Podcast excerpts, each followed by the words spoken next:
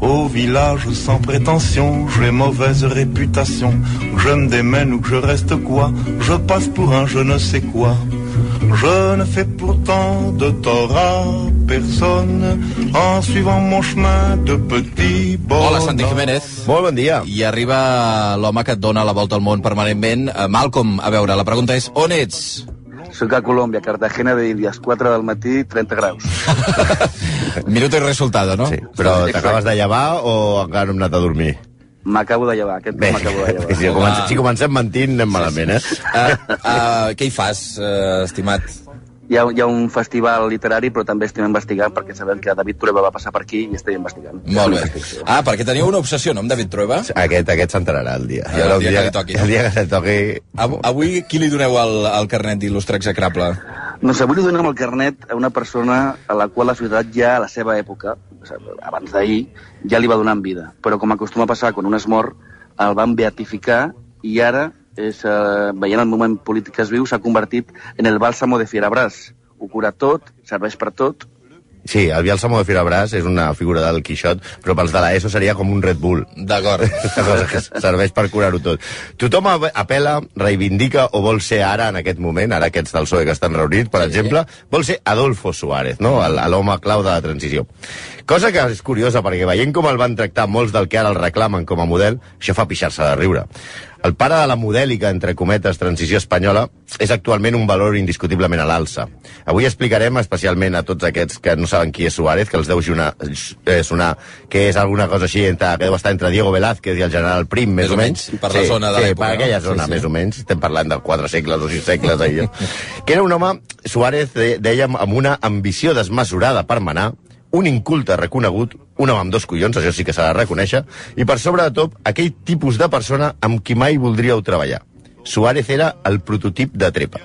Tot va començar el 22 de juliol de 1969. El presidente de las Cortes tomó juramento al futuro sucesor.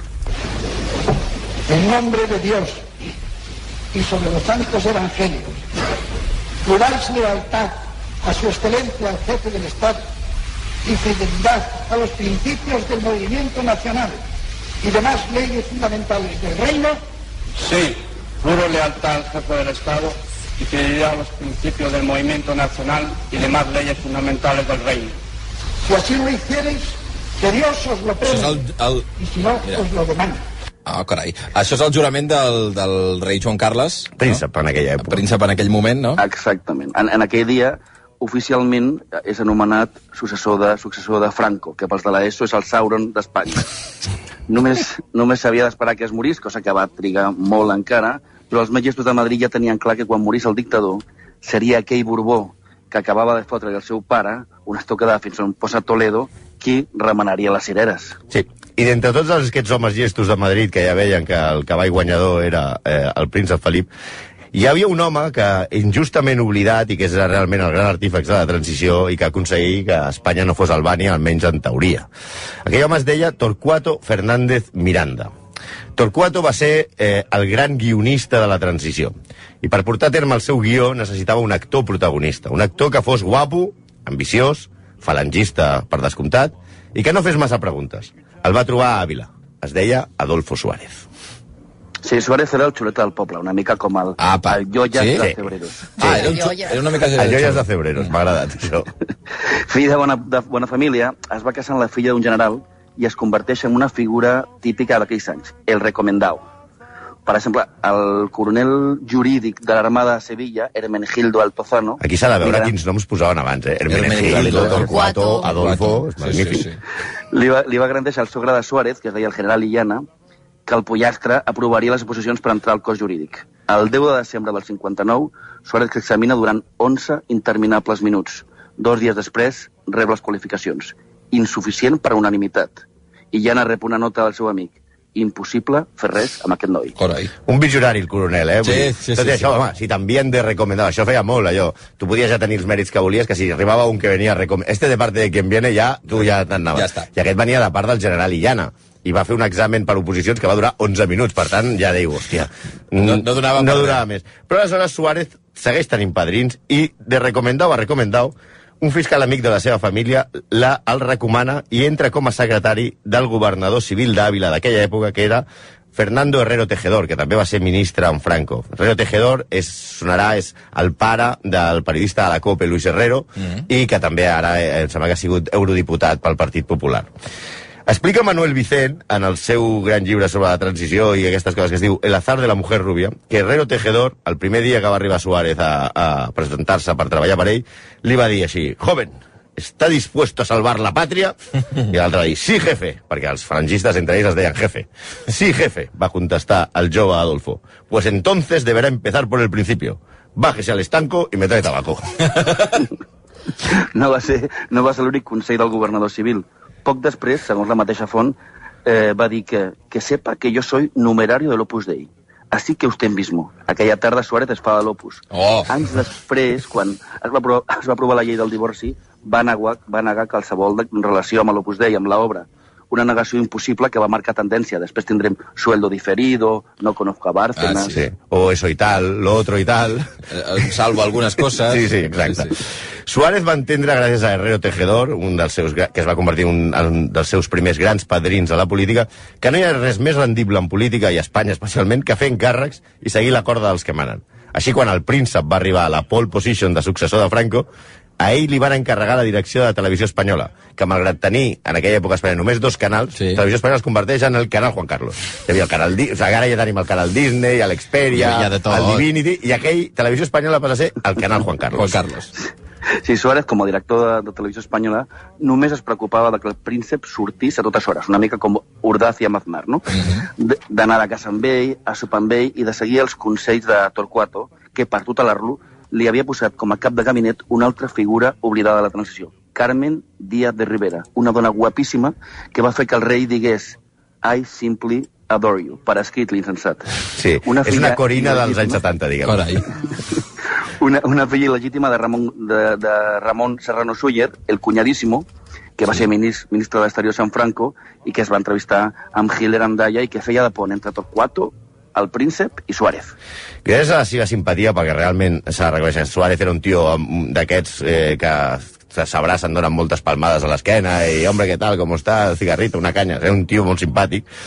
Eh, I ell va entendre, per gràcies a la, a la Pilar Díaz de Rivera, que, a Carmen Díaz de Rivera, perdó, que la televisió estava al futur. Suárez aconsegueix fer-se íntim del, íntim del príncep.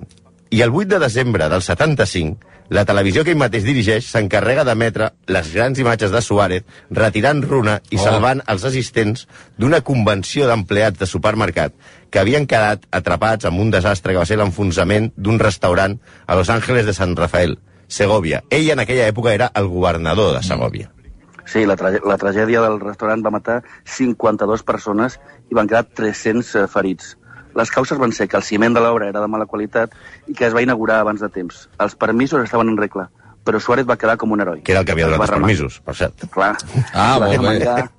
I va treure la runa com un mes. El constructor, anomenat Jesús Gil i Gil, Home! Sona, va anar no? a la presó. Ostres, era el constructor del restaurant? Sí. Exactament. Va anar a la presó i un any després Franco el va indultar, indultar personalment. Ah, molt Però bé. aquesta és una història que acaba en un jacuzzi de Marbella. Sí, sí, sí. Bueno, sí, sí. sí. Com es deia, el cavall? Eh, imperioso. Imperioso. Imperioso. Imperioso. Gràcies a Carmen Díaz de Rivera i a Torcuato Fernández Miranda, el 1975 Suárez ja era ministro del movimiento. A veure, és el que jurava el rei abans, el príncep abans. Movimiento és la falange. Sí, sí. sí. Per tant, Suárez era el ministre de la falange. Entra a la terna que el Consejo del Reino li presenta ja al rei d'Espanya per triar president del govern. El favorit era, eh, per tothom, Federico Silva Muñoz, un home que ara ningú sap qui és perquè no va, no va ser triat. Torcuato Fernández Miranda va eh, manegar les seves influències perquè Torcuato quedés, ai, perquè Federico Silva Muñoz quedés eliminat a la primera terna. Suárez es va disputar la primera presidència del govern, del govern a dit, eh, vull dir, eh, amb Manuel Fraga Iribarne i José María Areilza, que semblava que era el favorit i el que tenia totes les paperetes per ser el primer president democràtic d'Espanya. Sí, i mentre Areilza feia una festa a casa seva de Puerta de Hierro, que és un barri així molt, molt pijo de Madrid, per celebrar el seu imminent nomenament com a primer president suposadament democràtic d'Espanya en 40 anys, truquen per telèfon i li comuniquen que el rei ha triat Suárez. Ningú s'ho pot creure. Aquella setmana, Ricardo de la Cierva publica un famós article amb un títol molt críptic que diu «Qué error, qué inmenso error».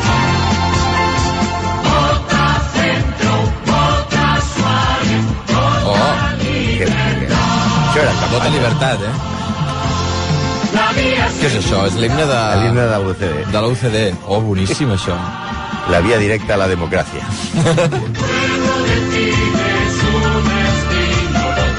Era bo, eh? Era, Home. Jo crec que estaven bastant millor abans que ara, no? Sí, eh, estaven més treballadets, segons com. Ara ja utilitzen cançons eh, que ja estan al Sí, sí. mercat, que busques a Des Spotify. que van començar els del PP amb Europe, Exacte. ja això se'n va anar a la merda. Terrible.